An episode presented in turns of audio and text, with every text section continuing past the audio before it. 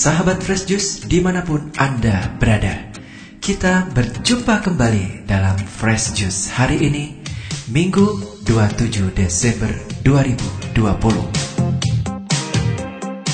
Renungan pada hari ini akan dibawakan oleh Romo Wens Edi MGL dari Maomere. Selamat mendengarkan.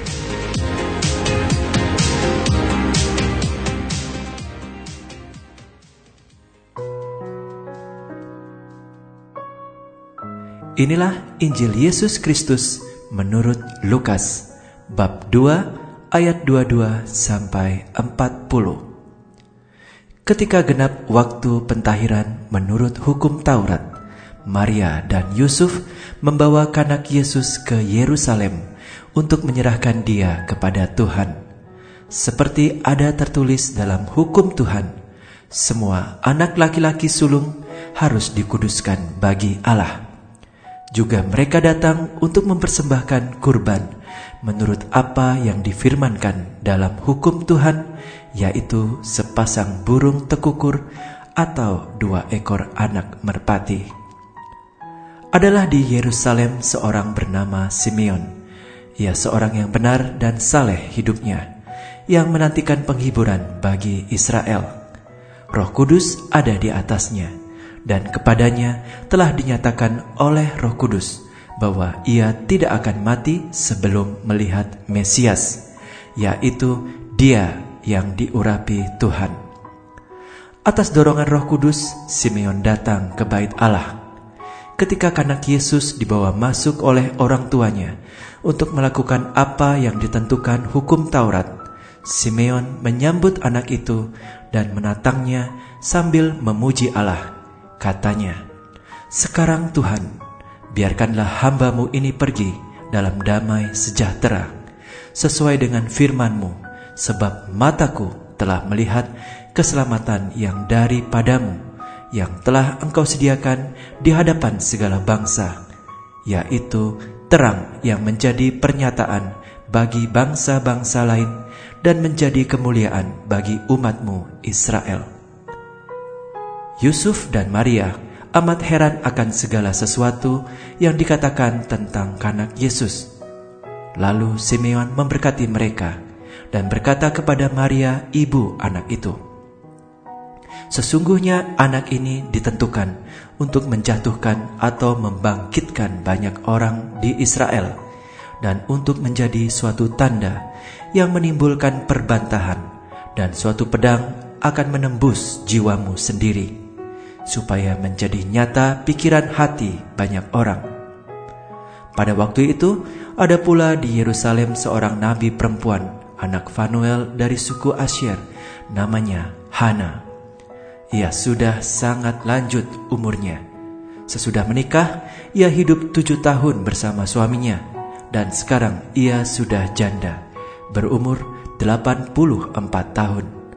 Ia tidak pernah meninggalkan bait Allah dan siang malam beribadah dengan berpuasa dan berdoa. Pada hari itu, Hana pun datang ke bait Allah dan mengucap syukur kepada Allah, serta berbicara tentang kanak Yesus kepada semua orang yang menantikan kelepasan untuk Yerusalem. Setelah menyelesaikan semua yang harus dilakukan menurut hukum Tuhan, kembalilah Maria dan Yusuf beserta kanak Yesus ke kota kediaman mereka yaitu kota Nazaret di Galilea. Anak itu bertambah besar dan menjadi kuat, penuh hikmat dan kasih karunia Allah ada padanya. Demikianlah Injil Tuhan. Terpujilah Kristus.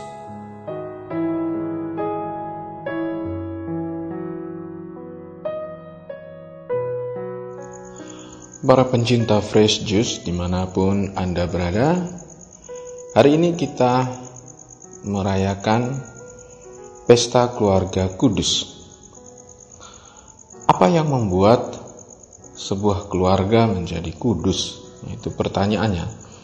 Pada pesta keluarga kudus hari ini kita tentunya mengenangkan keluarga kudus Nazaret, Yesus, Maria, dan Yosef.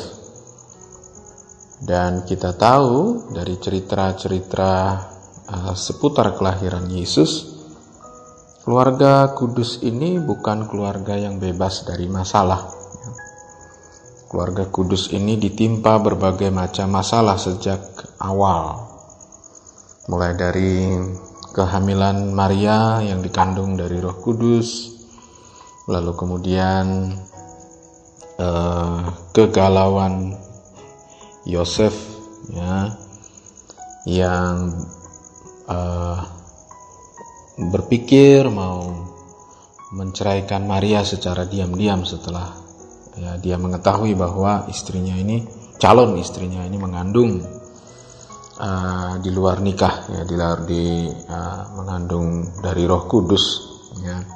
Lalu kemudian mereka harus berjalan dari Nazaret ke Bethlehem dan tentunya di Bethlehem tidak dapat tempat karena memang ya, keluarga besar Yosef pasti tidak akan menerima uh, Maria ya, akhirnya Yosef dan Maria terpaksa harus mencari tempat seadanya dan akhirnya karena ya tidak ada yang menerima dia mereka lahir di kandang apa Yesus dilahirkan di kandang ya.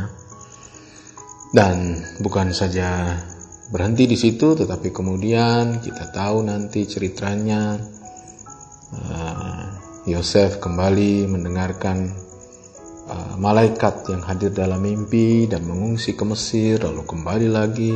Ya. Suatu perjalanan keluarga kecil yang penuh masalah, banyak sekali masalah sejak awal. Tetapi yang membuat mereka menjadi panutan kita tentunya adalah iman iman seorang Yosef ya. dalam bacaan-bacaan suci hari ini um, kita mendengar dari bacaan pertama tentang iman Abraham yang tetap teguh ya pada janji Tuhan bahwa dia punya keturunan uh, keturunan yang banyak ya Lalu dalam bacaan kedua juga diceritakan tentang iman Abraham. Dan di hari pesta keluarga kudus ini saya mau fokus tentang iman seorang Yosef ya. Seorang laki-laki sederhana. Keturunan masih keturunan garis keturunan raja, tetapi dia uh, menjadi tukang kayu ya. Uh, seorang tukang kayu dan dia dipercaya menjadi uh, bapak asuh Tuhan sendiri. Ya. Paus Fransiskus mencanangkan tahun ini sebagai tahun Santo Yosef mulai dari pesta Maria dikandung tanpa noda nah, tahun 2020 ini sampai tahun depan pada pesta yang sama baru berakhir tahun Santo Yosef. Uh, agaknya menjadi sangat langka, sangat jarang seorang laki-laki seperti Santo Yosef yang menerima menghadapi segala macam persoalan tanpa mau uh, apa ya, tanpa mau membesar-besarkan masalah. Padahal Yosef sebenarnya punya hak ya untuk menuntut Maria ataupun menghukum dia ya tapi dia tidak. Yosef bukan tipe orang seperti itu. Dan Yosef adalah seorang yang uh, lembut ya yang tidak mau mencari banyak persoalan sebenarnya ya tetapi yang paling penting yang saya mau soroti adalah bagaimana ketaatan uh, Yosef kepada Tuhan ya dalam cerita-cerita awal kelahiran Yesus kita selalu mendengar bahwa malaikat Tuhan datang lewat mimpi kepada Yosef. Lalu setelah bangun dari tidur Yosef serta merta melakukan apa yang diperintahkan malaikat dalam mimpi itu ya. Bagaimana seorang iman ya, eh, iman seorang Yosef ya, yang uh, mendahulukan perintah Tuhan. Perintah Tuhan bilang ambil Maria sebagai istrimu karena anak itu adalah anak yang dikandung dari Roh Kudus anak itu adalah kudus dan serta merta Yosef mengikutinya lalu mimpi lagi ambil ibu serta anak itu mengungsilah ke Mesir wah ya. Yosef serta merta bangun dan mengungsi ke Mesir ya. suatu perjalanan yang uh, kalau mau dipikir-pikir dari kacamata manusia bukannya menyelamatkan si anak ini ya, tapi justru perjalanan ke Mesir waktu itu melewati padang gurun, melewati jalur-jalur penyamun, perampok ya, tapi Yosef mengambil resiko itu. Siap berjalan sendiri ya, tanpa harus rombongan. Lalu mengungsi ke Mesir, lalu balik lagi ya. Suatu komitmen untuk mengikuti perintah Tuhan. Ya. Nah, itu yang membuat satu keluarga kudus. Bagaimana komitmen seorang atau paling paling baiknya adalah dua orang tua, ya, bapak dan ibu, untuk mendahulukan perintah Tuhan. Maria pun seperti itu. Hari ini Injilnya adalah bagaimana Yosef mempersembahkan Yesus di bait Allah sesuai dengan hukum Taurat ya. Jadi um, apa pun masalah yang dihadapi Yosef selalu mendahulukan Tuhan, ya, mendahulukan uh, perintah Tuhan. Dia selalu peka, ya. Perintah Tuhan dia ikuti, bukan hanya hukum Taurat, ya, bukan hanya secara hukum, tapi juga dalam mimpi. Ya, bayangkan itu ya, bagaimana pekanya seorang Yosef, bagaimana awasnya seorang Yosef sampai dia bisa membedakan oh ya ini dari Tuhan ya walaupun mimpi sederhana sekali kita sering kali malah kalau mimpi yang diharapkan adalah dapat lotre ya. kalau kita mimpi itu diharapkan dapat lotre lah dapat untung lah dapat inilah ya jarang sekali kita bermimpi untuk mengikuti kehendak Allah atau Allah yang hadir dalam mimpi. Jarang sekali mungkin tidak ada ya. Karena apa? Karena pikiran kita dipenuhi oleh uh, uh, keinginan untuk mencari untungnya. Keinginan untuk uh, hidup baik dan semuanya normal tapi kita dikuasai oleh itu. Sampai mimpi pun kita tidak bisa bertemu Tuhan ya. Ya, kalau kita bermimpi-mimpi orang bilang bunga tidur, tapi sebenarnya mimpi adalah apa yang uh, kita perjuangkan ya, dalam hidup ya. mencerminkan apa yang kita perjuangkan dalam hidup. Kalau Yosef misalnya mimpi sampai ketemu malaikat ya mungkin dia oh atau sudah pasti ya, hidupnya memang sehari-harinya adalah memikirkan tentang kehendak Allah. Tuhan mau apa dari hidup saya? Tuhan mau apa dari hidup saya? Sampai akhirnya Tuhan pun hadir dalam mimpi berupa malaikat. Nah saudara-saudariku yang terkasih ya kita semua berasal berasal dari keluarga saya juga berasal seorang imam, berasal dari keluarga. Keluarga saya tidak kudus, ya. keluarga saya juga bermasalah. Ya, saya yakin kita semua ini punya masalah. Tetapi bagaimana dalam masalah-masalah itu, ya kita taat atau mendahulukan perintah Tuhan. Bagaimana kita mencari kehendak Tuhan dalam hidup kita, haus kita lapar untuk mencari kehendak Tuhan dalam hidup kita, tentunya pasti Tuhan tidak akan tinggal diam.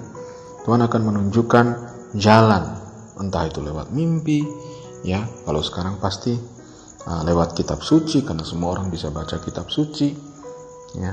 Lewat perayaan-perayaan sakramen, gereja.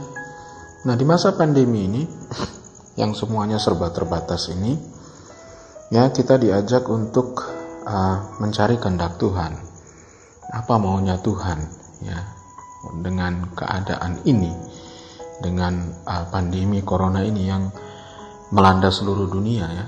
Bukannya kita saling menyalahkan kita bukan waktunya lagi saling menyalahkan ya saling menuduh atau mencari keuntungan sendiri di tengah-tengah pandemi ini. Itu bukan bukan saatnya untuk itu ya. Kita bersama-sama mencari kehendak Tuhan. Apa yang Tuhan mau ya yang yang yang kita harus buat di masa-masa seperti ini tentunya.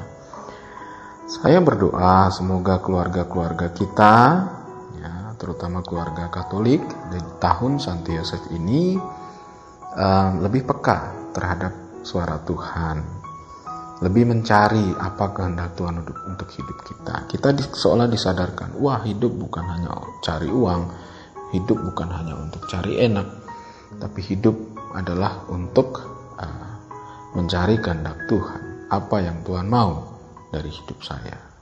Amin. Sahabat Fresh Juice, kita baru saja mendengarkan Fresh Juice Minggu 27 Desember 2020. Saya Yofi Setiawan beserta segenap tim Fresh Juice mengucapkan terima kasih kepada Romo Wens Edi untuk renungannya pada hari ini.